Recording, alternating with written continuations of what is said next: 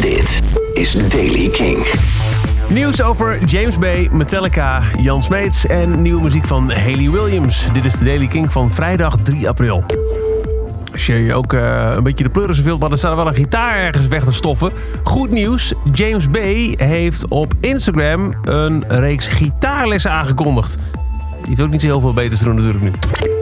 De All Within My Hands Foundation van Metallica schenkt 350.000 dollar aan vier organisaties die zich inzetten voor hulpverlening te tijden van het COVID-19-virus. Feeding America, Direct Relief, Live Nations Crew Initiative. Een uh, initiatief, zoals de naam al zegt, van het grote bureau Live Nation, dat juist ook de Tour Cruise financieel wil ondersteunen. En de Foundation's Bartender Emergency Assistance Program.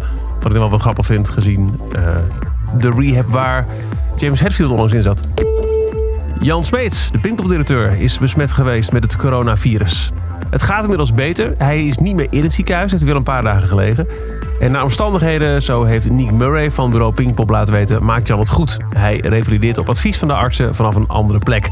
De gezondheid van Smeets is al een poos een broze plek. Zo werd hij vanwege hartklachten en verschillende operaties al meerdere keren opgenomen in een ziekenhuis.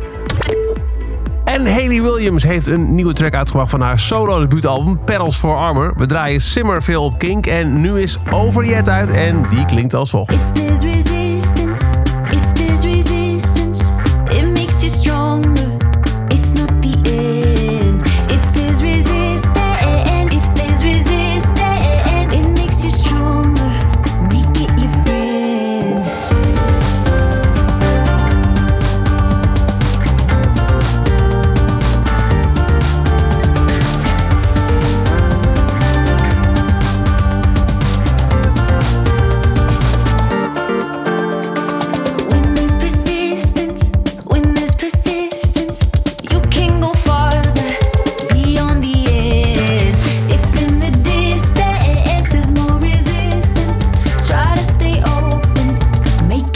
friend.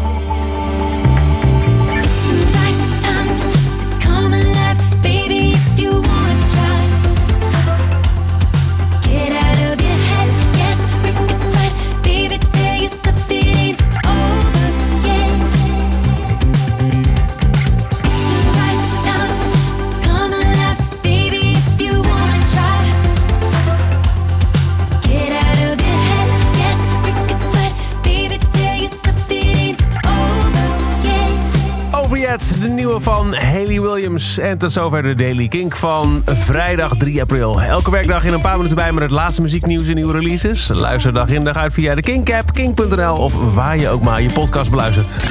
Elke dag het laatste muzieknieuws en de belangrijkste releases in de Daily Kink. Check hem op kink.nl of vraag om Daily Kink aan je smart speaker.